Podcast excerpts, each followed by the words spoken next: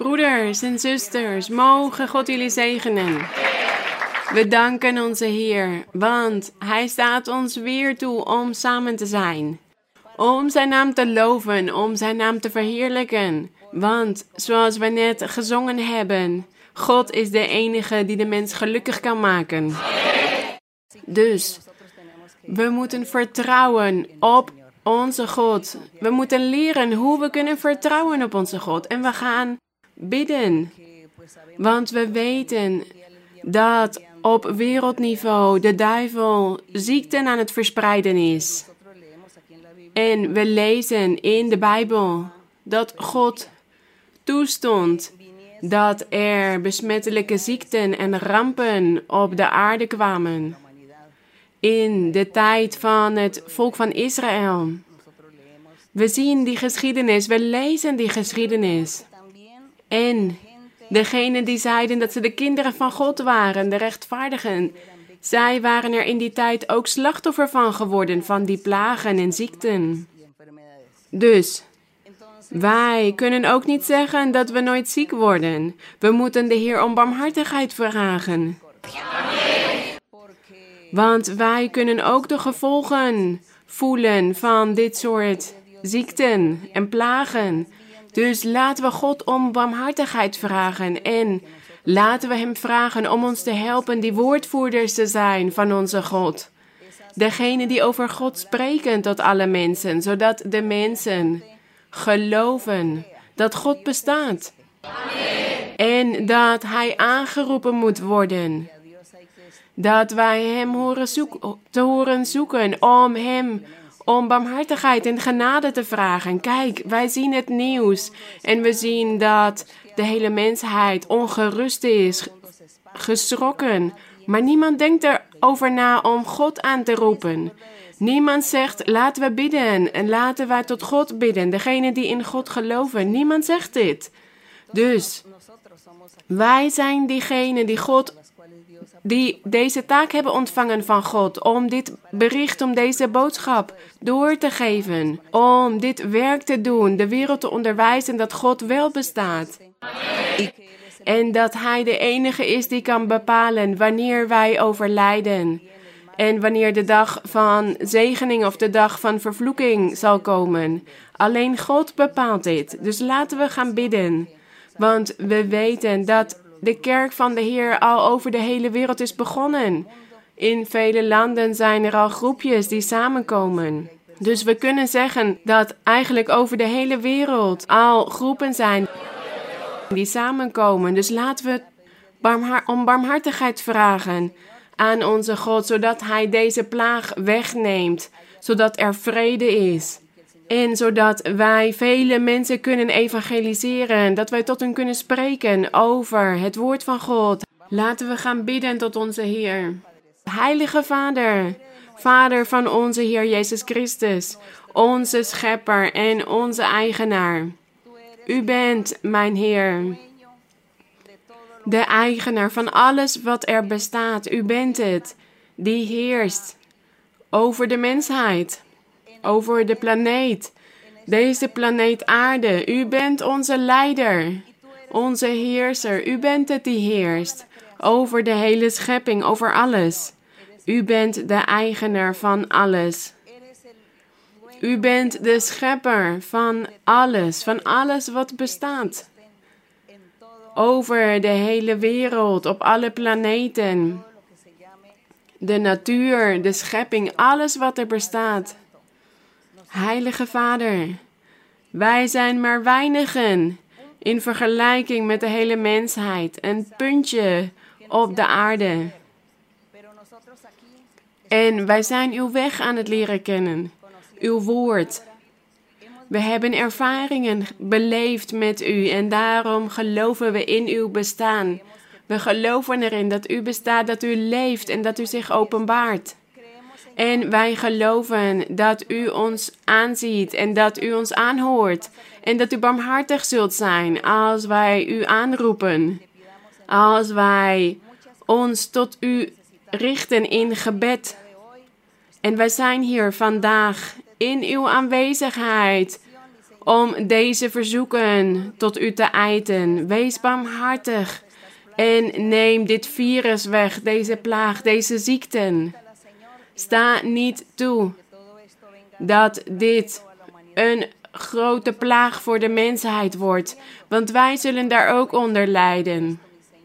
De gevolgen hiervan, wellicht niet de dood, maar wel gebrek en problemen, andere gevolgen vanwege deze ziekten. Mijn vader, u weet alles. U weet alles beter dan dat wij het weten. We vragen u uit om uw krachtige hand uit te strekken en barmhartig te zijn. Geef ons nog een kans, geef de mensheid nog een kans om u te leren kennen. Help ons zodat wij woordvoerders kunnen zijn, verkondigers van uw woord.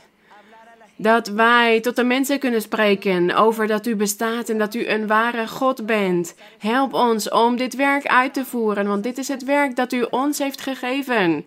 Het werken in uw wijngaard. Wij willen werken in uw wijngaard. Help ons om dit te kunnen doen. We danken u, krachtige Vader. Heilige Vader, uw krachtige hand zegent. Bevrijd en berisp alle besmetting. Hou die besmetting tegen. Berisp die kwade geesten en het werk van de vijand, van het kwaad. We danken u, want u hoort ons aan. We danken u, want u luistert naar ons. In de naam van uw Zoon, de Heer Jezus Christus, vragen wij u dit. De glorie is voor u tot in alle eeuwigheid. Amen. De glorie is aan de Heer. U kunt allemaal plaatsnemen, mijn broeders. En laten we het woord van onze God overdenken. Laten wij iets prachtigs overdenken. We gaan het over het geloof hebben. In het boek van de profeet Habakkuk, Habakkuk hoofdstuk 2, vers 4.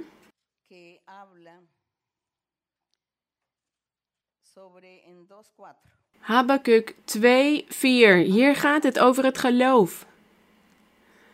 Want vandaag gaan wij dit onderwerp herhalen. Over het geloof gaan we het hebben. Wat is het geloof en waar is dit voor? En waarom is het belangrijk? In Habakkuk. Hebben jullie het gevonden? Laten we lezen in hoofdstuk 2, vers 4. Lezen jullie maar.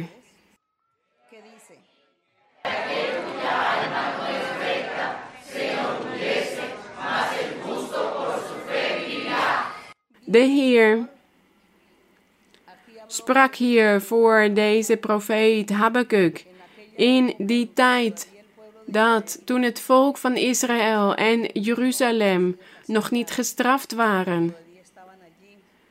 Zij waren nog daar in hun gebied. En Jeruzalem was bezet door het leger van Babylonië. En God stuurde nog steeds berichten naar hen door middel van de profeten, naar het volk, de inwoners van Jeruzalem en ook de leiders. Zij hoorden niet naar het woord van God, zij luisterden niet. Maar God die stuurde hen wel berichten door middel van de profeten. Dat was voor die tijd en ook voor de toekomst. In vers 4, waar dus staat: Zie, zijn ziel is hoogmoedig, niet oprecht in hem. Dus die man of vrouw die niet oprecht is, die wordt hier hoogmoedig van, verwaand, trots. Maar wat staat hier nog meer? Maar de rechtvaardige, dus degene die niet hoogmoedig is of trots, die zal door zijn geloof leven. Maar wat zal hij leven? Het eeuwige leven. Dus hier staat, maar de rechtvaardige zal door zijn geloof het eeuwige leven leven. En hier gaan we het vandaag over hebben, over het geloof. Want in Hebreeën staat er ook een vers over het geloof. De Heer spreekt hier ook over het geloof. Dus we hebben nu gelezen in Habakkuk En we gaan nu naar Romeinen hoofdstuk 1. Romeinen hoofdstuk 1 vers 17. Zodat wij dit duidelijk krijgen. Het geloof. Wat is het geloof en waar is het voor? Waarom is het belangrijk? Dus in Habakkuk zei de Heer dat de rechtvaardige, de nederige, degene die in de Heer zou geloven, degene die naar het woord van God zou luisteren, die zou het eeuwige leven ontvangen dankzij het geloof. En in Romeinen hoofdstuk 1, vers 17, zijn jullie er? Hier gaat het over de apostel Paulus. Hij spreekt hier over de kracht van het evangelie of van het goede nieuws van verlossing. Het evangelie van onze Heer Jezus Christus. En hier staat in vers 17: Want de gerechtigheid van God wordt daarin, in het evangelie, geopenbaard uit geloof tot geloof. En wat betekent dit? Zoals geschreven is, maar de rechtvaardige zal uit het geloof leven. Dit is wat de profeet Habakkuk had gezegd. De apostel Paulus, hij had het hier over de profetie van Habakkuk, dat de rechtvaardige zou leven uit het geloof.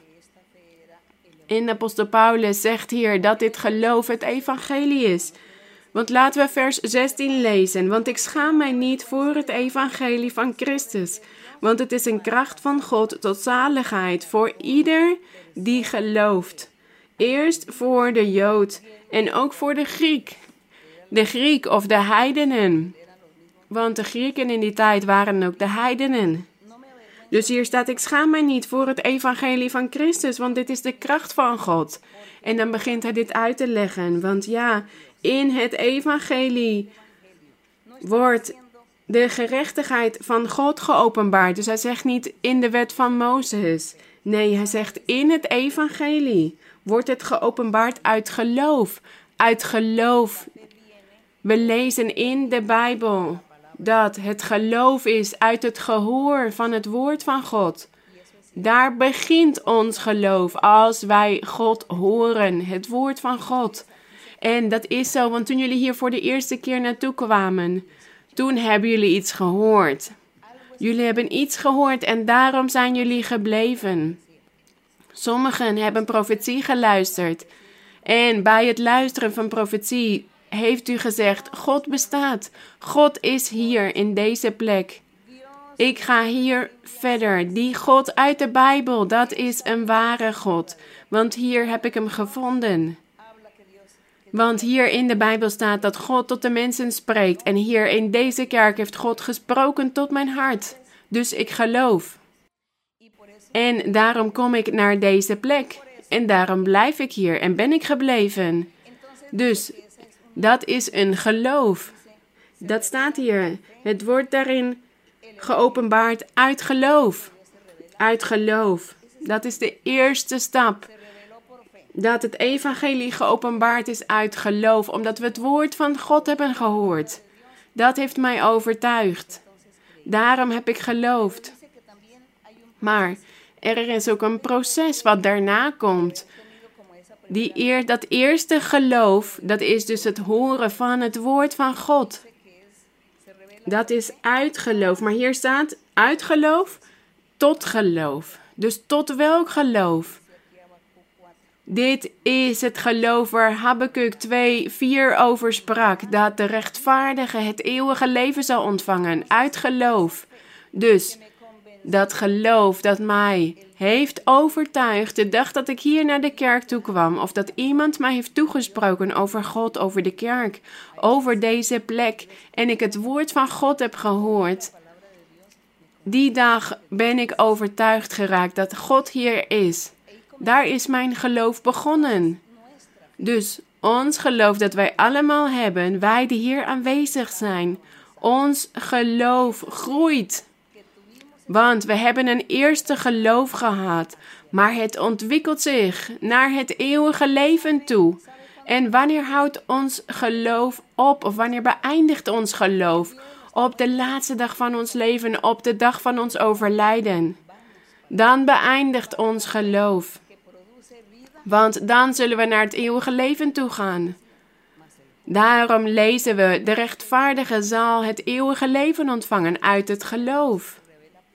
En hier staat dus in Romeinen 1:17 dat de, het evangelie van God wordt geopenbaard uit geloof tot geloof. Dus tot geloof, dat is een proces tot op de laatste dag van ons leven. De glorie is aan God. Want dan zal hij tegen ons zeggen: Ik zal je nu het eeuwige leven geven. De glorie is aan onze Heer.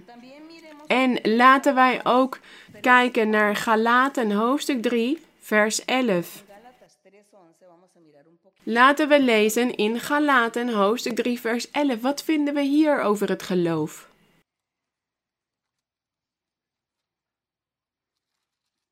Zijn jullie er? Hier staat. De apostel Paulus zegt hier. Vers 11. En dat door de wet van Mozes niemand gerechtvaardigd wordt voor God, is duidelijk. Want, hij zegt waarom? Want de rechtvaardige zal uit het geloof leven. Het eeuwige leven uit het geloof. Dus hier zegt hij, door de wet van Mozes zal niemand gerechtvaardigd worden voor God. Want God heeft gezegd door middel van de profeet dat het uit het geloof zou zijn, het geloof in het evangelie van de Heer Jezus Christus dat de man of vrouw eeuwige leven, hun eeuwige leven kunnen ontvangen. Niet door de wet van Mozes, maar door het evangelie, uit het geloof. En laten we lezen in Hebreeën hoofdstuk 10, vers 38. Wat staat hier? Hebreeën hoofdstuk 10, vers 38.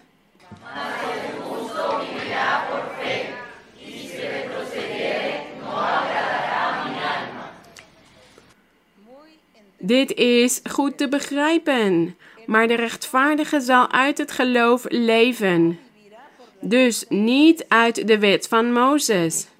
De rechtvaardige zal niet uit de wet van Mozes leven. Hij zal uit het geloof leven. En wat was het geloof?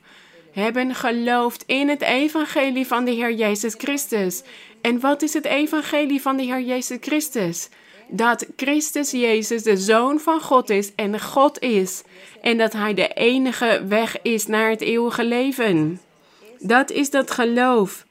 Waar hier staat, de rechtvaardige zal uit het geloof leven. Dus niet uit de wet van Mozes, maar uit het geloof. Dus we weten dat dit geloof het evangelie van de Heer Jezus Christus is. Wat heeft ons overtuigd toen wij naar deze plek toe kwamen? Het horen van het evangelie, het horen van het woord van God. En God heeft tot mij gesproken. En hij heeft mij overtuigd. En nu ben ik aan het lopen richting het eeuwige leven.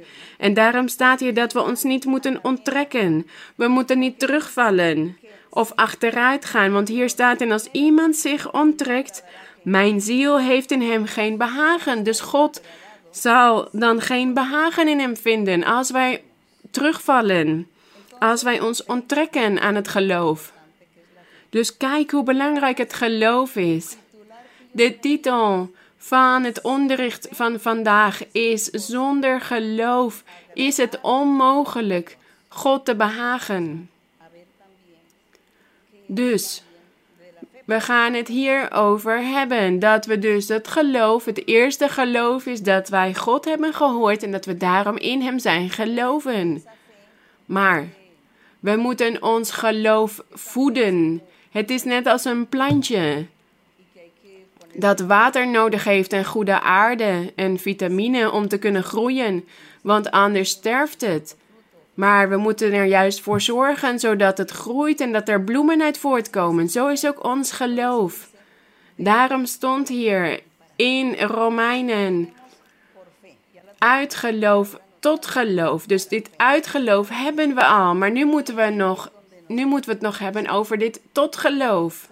tot geloof, tot het eeuwige leven. Dus we moeten analyseren om deze kennis duidelijk te hebben, zodat we ons niet laten bedriegen door de duivel, zodat hij ons, eeuwig, ons geestelijk leven niet kan vernietigen, zodat hij dat geloof niet kan vernietigen waar, waarmee, waarmee wij zijn begonnen. En dat niks in de wereld ons kan laten terugvallen of ervoor kan zorgen dat wij ons onttrekken van het geloof. Hebreeën hoofdstuk 11. Vers. Dit is een lang hoofdstuk. Het is te lang om alles te lezen, maar het is zo belangrijk en zo prachtig, dit hoofdstuk. Laten wij een aantal versen gaan lezen. Hebreeën hoofdstuk 11, vers 6. Maar laten we beginnen in vers 1. Het geloof nu is, wat is het geloof? Een vaste grond van de dingen die men hoopt. Dus een vaste grond, een zekerheid van de dingen die wij hopen. Wij geloven in iets wat we niet zien, wat we niet kunnen aanraken. Wij horen. Wij horen en wij geloven. Dus daarom hebben wij een hoop in ons dat wij zullen genieten van wat God ons heeft beloofd. Ik zal ervan genieten, zeg ik dan, want Hij heeft mij zoveel dingen beloofd en het eeuwige leven beloofd. En ik zal hiervan genieten. En ik zie dit nu niet op een fysieke manier. Ik kan het niet aanraken, maar ik vertrouw volledig op mijn God dat dit zal gebeuren. En dat is dus mijn hoop. Ik hoop dat doel te kunnen bereiken. Ik hoop het eeuwige leven te kunnen winnen. Ik vertrouw erop dat ik dit ga, dat dit gaat lukken. Daarom staat hier die vaste grond, die zekerheid van de dingen die men hoopt. En het geloof is een bewijs van de zaken die men niet ziet. En dit is waar. Er zijn mensen die zeggen: Laat mij God zien. Er zijn dwaze mensen die zeggen: Laat mij God zien, zodat ik in Hem kan geloven. Het enige wat wij kunnen zeggen tegen zo'n persoon, een dwaas persoon, ik kan God niet op een fysieke manier laten zien. Maar, want we zien Hem niet, we kunnen Hem niet aanraken op een fysieke manier, maar we voelen Hem wel. Wij voelen Hem. En wij hebben Zijn wonderen gezien. Wij hebben de wonderen en genezingen gezien die Hij in de mensen heeft verricht. Wij hebben die verzoeken gezien die wij hadden. De problemen die wij aan God hadden verteld en wat Hij allemaal heeft opgelost. Hoe Hij zoveel mensen heeft aangehoord op het juiste moment en Hij heeft hen bevrijd en beschermd. Dat kunnen velen getuigen. Vele mensen kunnen getuigen. Ik heb gedroomd dat God op mij sprak, dat Hij mij een belofte deed dat ik genezen zou worden of dat ik een baan zou ontvangen of dat ik een reis zou maken. En dit is vervuld in mijn leven. Dus ik kan u God laten zien die zich openbaart. Ik kan u geen fysieke, materiële God laten zien, maar wel zijn openbaring. Wie spreekt tot ons en wie doet ons beloften in de kerk? De Heilige Geest.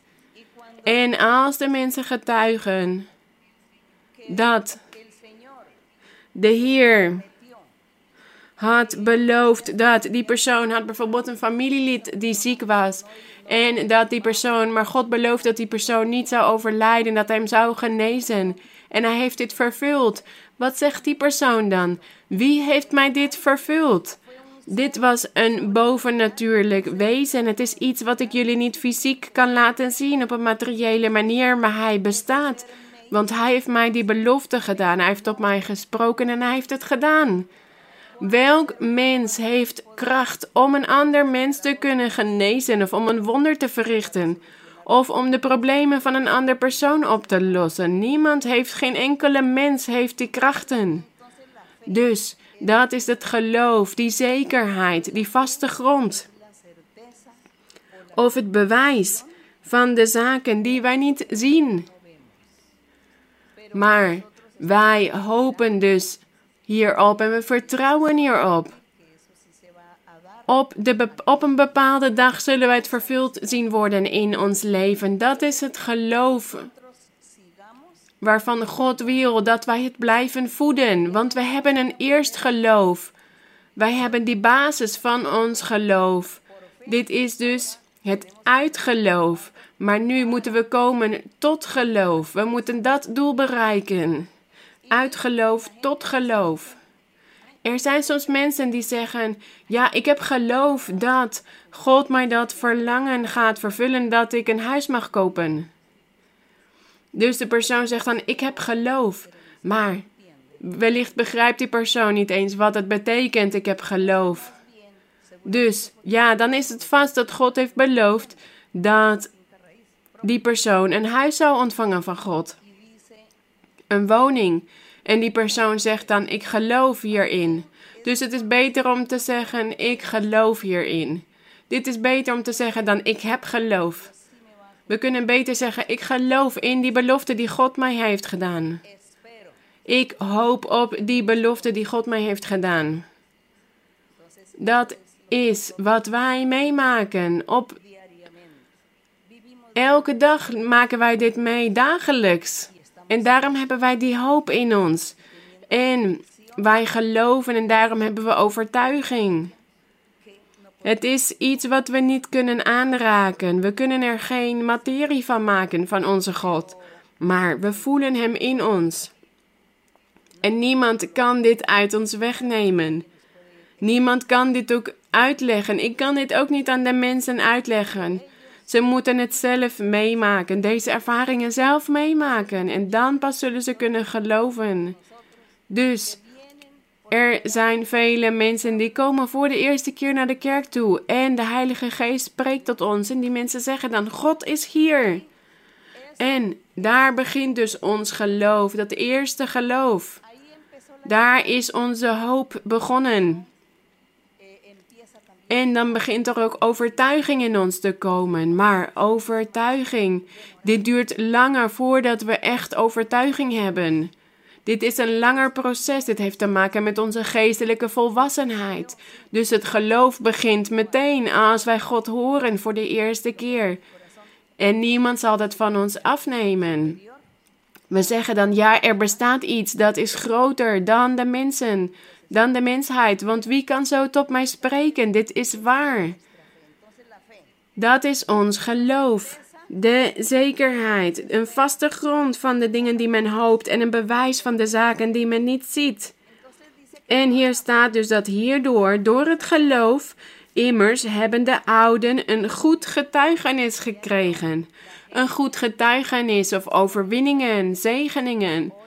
Niet alleen de ouden, maar ook vandaag de dag. Duizenden mensen. Duizenden mensen sinds 50 jaar hebben genoten hiervan, een goed getuigenis. Ze hebben beloften ontvangen van onze God en deze meegemaakt in hun leven, de vervulling hiervan. Ze hebben grootheden van onze God gezien, wonderen. Want zo heeft God zich gemanifesteerd in het leven van deze mensen.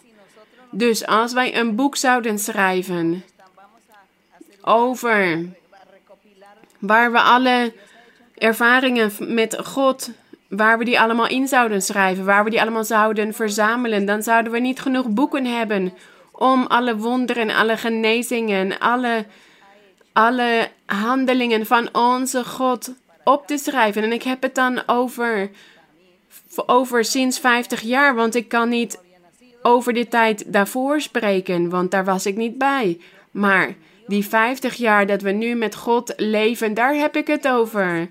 En al die dingen die God heeft gedaan, dat zijn zoveel dingen die zijn niet op te schrijven. Velen hebben ervaringen met God meegemaakt. En sommigen hebben hierover verteld en anderen niet. Maar wat we hier in de Bijbel hebben, dit is een samenvatting. Dit is een samenvatting van alles wat er in die tijd is gebeurd. En dit is voor ons ook een getuigenis. Vele dingen zijn wellicht niet opgeschreven gebleven, maar hierdoor zien wij dat de ouden een goed getuigenis hadden gekregen, omdat God hen de beloften had vervuld. En God heeft wel miljoenen en miljoenen wonderen en genezingen verricht. Dus in de Bijbel, in deze tijd van de apostel Paulus, heeft hij het maar over een aantal personages in dit hoofdstuk, maar het zijn er zoveel geweest. Het gaat hier bijvoorbeeld over Abel, dat hij een beter offer had gebracht dan Kain. En Abel had dit gedaan, want hij vertrouwde op God en hij geloofde in God. Hij had geloof. Abel had geloof in zijn schepper. Hij had geloofd in zijn schepper dat dit een wezen was die het beste verdiende. En de eer en de glorie. En daarom had Abel de moeite gedaan om het allerbeste aan onze God te geven. En daarom had God hem beloond. En we lezen bijvoorbeeld ook over Henoch in Hebreeën 11, vers 5, dat Henoch de dood niet heeft gezien, omdat God hem had weggenomen. Dat was die zegening die God voor hem had. Hij had hem weggenomen. Waarom? Omdat hij had geloofd in God. Hij had geloof in God en hij had gewandeld met God en daarom heeft God hem weggenomen en hem gezegend. En het gaat hier ook over Abraham. Over Abraham in vers 8. Door het geloof is Abraham toen hij geroepen werd, gehoorzaam geweest om weg te gaan naar de plaats die hij tot een erfdeel ontvangen zou. En hij is weggegaan zonder te weten waar hij komen zou. Kijk naar zijn geloof. Hij heeft geloofd toen God tegen hem zei: Ga uit uw land en kom naar een land dat ik u wijzen zal. En hij zei: Ja, Heer, ik zal dit doen. En hij is toen weggegaan uit zijn land. Hij wist niet waar hij naartoe zou moeten gaan, maar hij heeft gehoorzaamd. Waarom? Omdat hij had geloofd. Hij had geloofd in God. En in vers 11. Door het geloof heeft ook Sarah zelf kracht ontvangen om zwanger te worden en een kind te baren, ondanks haar hoge ouderdom, omdat zij hem getrouw heeft geacht die het beloofd had, staat hier. Waarom? Omdat zij hem getrouw heeft geacht die het beloofd had. De glorie is aan onze God. Vandaag, de dag, laten wij ook tegen de Heer zeggen: Heer, ik gehoorzaam u, ik ga uw wil doen. Ik ga doen wat u behaagt, want ik geloof in u. Want ik vertrouw op u. Want ik weet dat u mij niet gaat teleurstellen. Ik weet dat u mij niet beschaamd zal laten staan. En dat u mislukking toestaat in mijn leven. Nee, u gaat mij de overwinningen geven. Dus, hier gaat het over nog een ander personage in vers 17. Door het geloof heeft Abraham, toen hij door God op de proef gesteld werd, Isaac geofferd.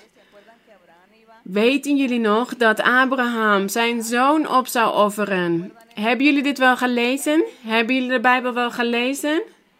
Hebben jullie over gelezen in de Bijbel? Ja, dat God tegen Abraham had gezegd: Offer mij uw zoon op. En hij ging dit doen. Hoewel de Heer tegen Abraham had gezegd dat hij uit zijn zoon een groot volk zou maken. En dat hij een vader zou worden van vele volken. En dat uit zijn nageslacht een talrijk volk zal voorkomen. Voortkomen. Dat hij aan het hoofd van zijn volk zou staan. Dat heeft God tegen Abraham gezegd. En daarna zei hij op een gegeven moment: Offer mij uw zoon op. Abraham had kunnen zeggen: Heer, maar waarom zegt u dit? U zegt tegen mij dat u mijn zoon gaat zegenen en nu dat ik hem moet opofferen? Nee, hij heeft dit niet gezegd. Hij heeft niet getwijfeld. Hij heeft Gods wil niet getwist. Hij heeft alleen gehoorzaamd. Hij zei: Ja, God is zo machtig. Hij is zo machtig. Hij kan, hem, hij kan mij ook gewoon een andere zoon geven na Isaac. Dat heeft Abraham vast gedacht. Vers 17. Door het geloof heeft Abraham, toen hij door God op de proef gesteld werd, Isaac geofferd. En hij die de beloften ontvangen had, heeft zijn enige geborene opgeofferd. Dus tegen hem was gezegd dat van Isaac zal uw nageslacht genoemd worden. Dus Abraham zou vader worden van vele volken. En God zegt dan, geef hem mij in als een offer. Maar wat heeft hij gedacht? Lezen jullie verder in vers 18, tweede deel, en vers 19.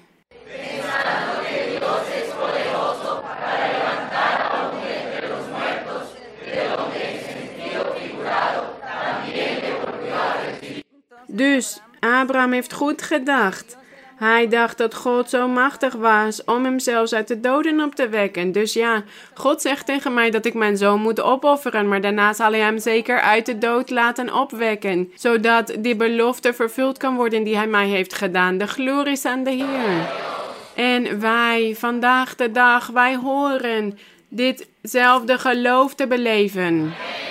In de Heer te geloven en op Hem te vertrouwen. En hoeveel van jullie zijn geschrokken door dit virus? Bang. Nee, we moeten vertrouwen op de Heer. Ja, we moeten alles doen wat we kunnen om de dingen te voorkomen. We moeten voorzichtig zijn, behoedzaam, wat we menselijk, wat we als mensen kunnen doen. Maar wat wij zelf niet meer kunnen doen, dan zal God ons helpen. En wij overlijden de dag dat God het wil. We gaan niet voor onze tijd overlijden. Nee, wanneer God het wil. Hij heeft de dag van onze dood al bepaald. En op die dag zullen wij overlijden. Dus wij hoeven niet verbitterd te raken of beangstigd te zijn, maar juist tot God te bidden om om barmhartigheid te vragen. Want ja, er kan wel gebrek komen en het eten kan bijvoorbeeld er niet meer zijn of dat er bepaalde producten niet meer zijn, omdat iedereen alle dingen gaat kopen, gaat hamsteren. En zijn er bepaalde producten die we niet meer kunnen verkrijgen. Dus ja, we zullen wellicht de gevolgen zien in ons leven, maar we gaan dus tot God bidden. We gaan niet vluchten of ons verstoppen. Waar kunnen we ons verstoppen? Nee, we moeten gewoon tot God bidden, Hem aanroepen. En ja, er zijn soms er zijn soms regels van de overheden en daar moeten we naar luisteren. Als ze bepalen dat we ergens niet kunnen komen of mogen zijn, dan moeten we daar naar luisteren. Dus we moeten de bepalingen van de overheid wel in acht nemen en behoedzaam zijn. Maar voor de rest moeten wij op God vertrouwen. En niet beangstigd zijn, bezorgd raken, maar juist in de Heer geloven. Wat heeft, wat heeft de Heer mij beloofd? Wat zijn mijn beloften? Daar, dat ga ik overdenken, die beloften. Daarom hebben we het hier over het geloof, zodat wij dit kunnen begrijpen. Wat is dit, het geloof? En we hebben het dus gehad over dit eerste geloof dat we al hebben. Maar we moeten ons geloof dus laten groeien. Dat geloof, die kennis, die kennis hierover moeten we duidelijk hebben, zodat wij dit niet vergeten. En als er dan een moment van ramp is of ongeluk of iets pijnlijks in ons leven, wat er ook maar kan gebeuren in ons leven en dat we daarvoor, daardoor verbitterd kunnen raken of dat we iets verliezen, op dat moment hebben we God nodig. En moeten wij ons geloof in werking brengen, ons vertrouwen, onze hoop op God. En wat staat hier nog meer? Dat Jacob ook heeft geloofd.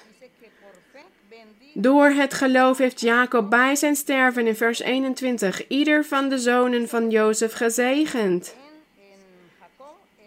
En in vers 20 Jacob en Esau. Esau was de eerstgeborene en in die tijd was het de eerstgeborene die het recht had op de erfenis. Maar God had gezegd dat de tweede, de tweede zoon, de erfenis zou ontvangen en de plek van de eerstgeborene. Dat had God gezegd tegen de moeder van Jacob en Esau, dat de tweede zoon gezegend zou worden. En ja, we kunnen dus eigenlijk dit hele hoofdstuk lezen, want het hele hoofdstuk gaat over voorbeelden van personages die overwonnen hebben dankzij het geloof. In vers 22 staat: Door het geloof heeft Jozef bij zijn sterven melding gemaakt van de uittocht van de Israëlieten en heeft een opdracht gegeven in, verstand, in verband met zijn gebeente.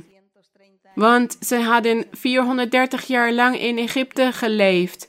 En toen zij uit, uit Egypte vertrokken, hebben ze ook de gebeente van Jozef meegenomen, die zo lang begraven hadden gelegen. Ze hebben die toch meegenomen, want hij had dit gezegd. Dus Jozef had ook dat geloof, die hoop op God. Hij had het zelfs over zijn gebeente en dit was eigenlijk niks meer waard, want het was alleen nog maar een materie die niks meer waard had na zijn dood. Maar toch had hij dit gezegd, omdat hij had gehoopt op God. Vers 23. Door het geloof werd Mozes, toen hij geboren was, drie maanden lang door zijn ouders verborgen, omdat zij zagen dat het een heel bijzonder kindje was, en zij waren niet bevreesd voor het bevel van de koning. Toen de koning had gezegd dat alle kinderen onder twee jaar moesten overlijden. Maar de moeder van Mozes had hem verstopt in een mand in de rivier. En zij vertrouwde op God. Zij geloofde erin dat God hem zou beschermen. En zo is dit gebeurd. Zij heeft ook dit geloof gehad en vastgehouden. Zij heeft aan dit geloof vastgehouden. En in vers 24 staat: Door het geloof heeft Mozes, toen hij groot geworden was, geweigerd een zoon van de dochter van de farao genoemd te worden. De dochter van de farao, dat was de prinses. Zij had Mozes opgevoed.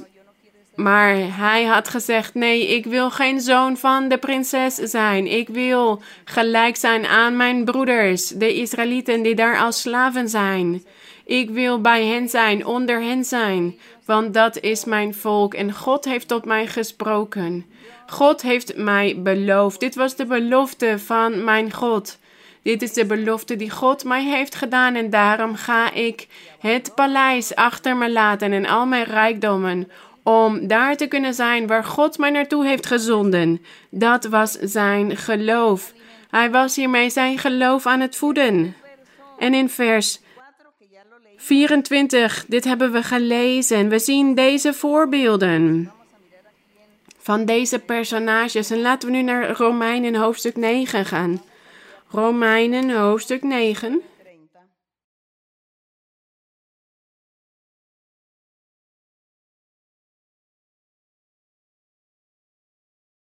Romeinen 9, vers 30. Wat staat hier?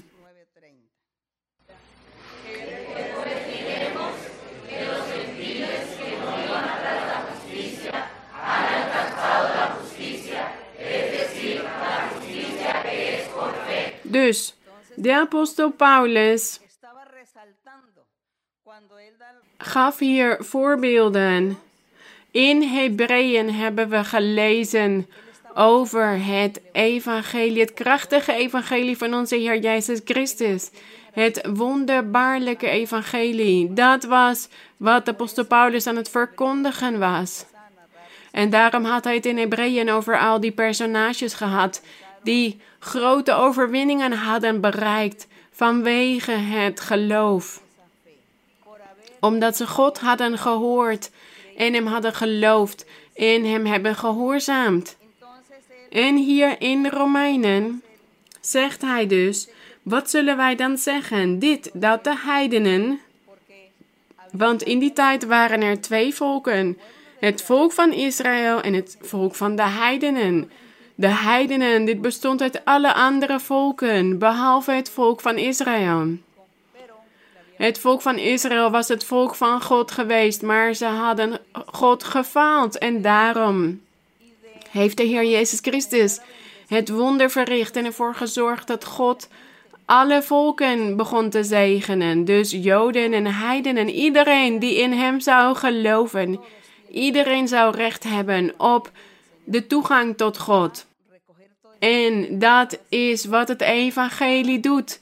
Al die volken die verworpen waren door God, die zijn door de Heer Jezus weer tot God gebracht. In zijn barmhartigheid. De glorie is aan de Heer. In zijn barmhartigheid heeft Hij ons bijeengebracht, heeft Hij aan ons gedacht. En van die twee volken heeft Hij één volk gemaakt. Één kerk. Daarom zegt apostel Paulus hier, wat zullen wij dan zeggen? Dit, dat de heidenen die geen gerechtigheid hebben nagejaagd, gerechtigheid verkregen hebben. Gerechtigheid echter die uit het geloof is. We lezen hier in Romeinen 9, vers 30. Hier staat dat zij de rechtigheid hebben verkregen uit het geloof in de Heer Jezus Christus, in het evangelie. Want het evangelie is het goede nieuws van verlossing. Gezegd door de Heer Jezus Christus, verteld door Hem. Daarom is die gerechtigheid, het evangelie van de Heer Jezus Christus, dat is hetzelfde. Deze gerechtigheid van God, dat is het evangelie.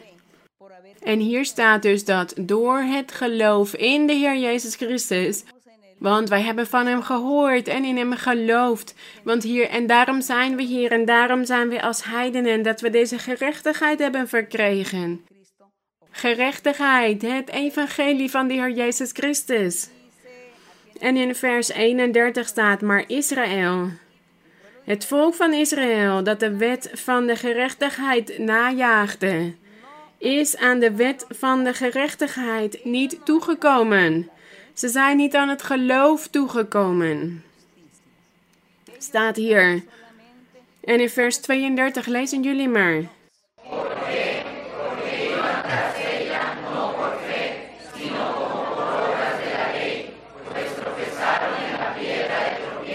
Dus hier staat dat Israël de wet van de gerechtigheid najaagde, maar dat ze de wet van de gerechtigheid niet, toegekomen, niet aan toegekomen zijn, omdat zij die niet uit geloof zochten, maar als uit werken van de wet. Zij keken alleen naar wat geschreven stond.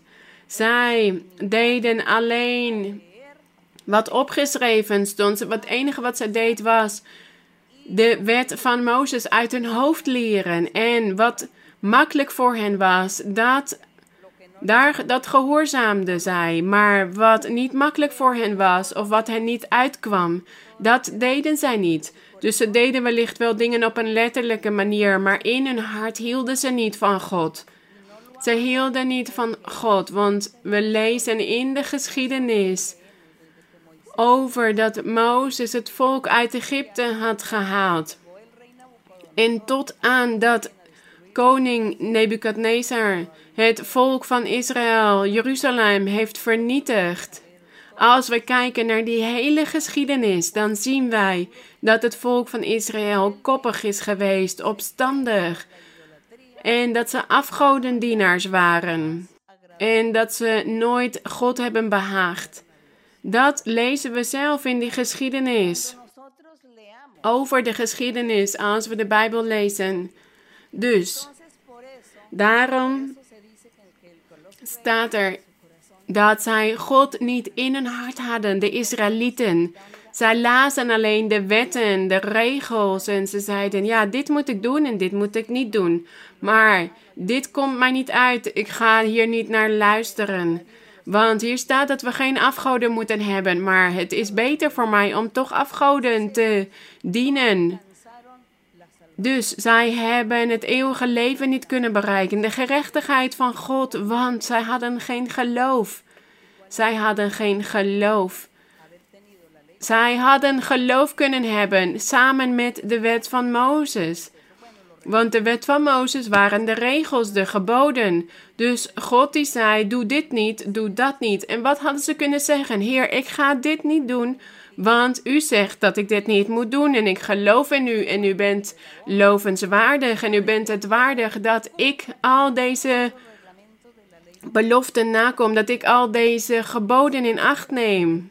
Dan zou ik ook geloof hebben gehad. Dan zou het volk van Israël op deze manier ook hebben kunnen geloven. Maar nee, zij namen alles op een letterlijke manier aan en hun hart was ver van God. Daarom staat hier dat zij de wet van de gerechtigheid aan het najagen waren, maar dat ze er niet aan toegekomen waren. Want zij hadden dit niet uit geloof gezocht. Ze geloofden er niet in, maar ze wilden dit uit de werken verkrijgen. En wat staat hier? Ze hebben zich gestoten aan de steen des aanstoots. En die steen, dat is Christus Jezus. Vers 33, zoals geschreven staat. Zie, in Jesaja. Zie, ik leg in Sion een steen des aanstoots en een struikelblok. En ieder die in hem gelooft zal niet beschaamd worden. De glorie is aan de Heer. Dice Dus, que die steen in Sion, dat is zijn kerk. Die steen was een steen des aanstoots, een struikelblok geworden voor de Joden in die tijd. We hebben het niet over de Joden van vandaag. We hebben het over het volk van Israël in die tijd. Want dat is wat hier geschreven staat in de Bijbel over het volk van Israël in die tijd. En zij hebben niet geloofd in de Heer Jezus Christus en daarom hadden zij niet die ervaringen met God meegemaakt. En deze steen des aanstoots, dit was dus onze Heer Jezus Christus. Hij is die steen waar wij de toevlucht in zoeken. Dus onze Heer Jezus Christus. En het geloof, we begrijpen nu dus dat het zonder geloof onmogelijk is om God te behagen. Dit is waar. Dit is waar. Als de Israëlieten dus de wet hadden nageleefd met het geloof in God en met het verlangen om God te behagen, dan zouden ze de gerechtigheid van God hebben kunnen bereiken. Maar nee, ze hebben alleen de wetten willen vervullen, het fysieke. Dus zonder geloof is het onmogelijk God te behagen. Dus wat is dit geloof? Wat moeten we doen om onze God te kunnen behagen? Uit geloof en tot geloof hebben we gelezen vandaag. We moeten dus ook tot geloof komen. Op een constante manier. Dus het is niet alleen maar geloven. Ja, ik geloof dat God bestaat. Ja, God spreekt hier in de kerk. Ja, God openbaart zich. Hij doet wonderen. Hij doet tekenen. Hij geneest. Hij lost mijn problemen op. Dat is niet genoeg. Broeders, dit tot geloof waar we over hebben gelezen vandaag. Dit is God behagen in alles. Want Hij heeft ons ook geboden gegeven, geboden opgelegd. Zoals Hij dit met het volk van Israël had gedaan. Zo heeft Hij dit ook met ons gedaan in het Evangelie. Wij hebben ook regels en geboden van God. Dus God zegt tegen ons: zonder je af van de zonde. Neem afstand van de zonde. Wees niet boosaardig. Pleeg geen moorden, of overspel of ontucht, of behoed uzelf voor dronkenschappen, voor jaloezie. Behoed uzelf hiervoor, want u moet dit achter u laten om God te behagen. In die God in, die, in wie u heeft ge geloofd. De Heer in wie u gelooft, Hij is dezelfde die belooft en het vervult, maar u moet Hem wel behagen. We moeten onze God behagen. Als wij onze moeite doen, als wij ons het beste proberen te doen voor onze God, dan zijn wij tot geloof aan het komen. Dan zijn wij ons geloof aan het voeden, want ons geloof moet groeien. Want ik neem afstand van mijn vlees, van het genot, van die dingen in de wereld waar God niet van houdt, om God te behagen, want ik geloof in Hem, want ik vertrouw op Hem.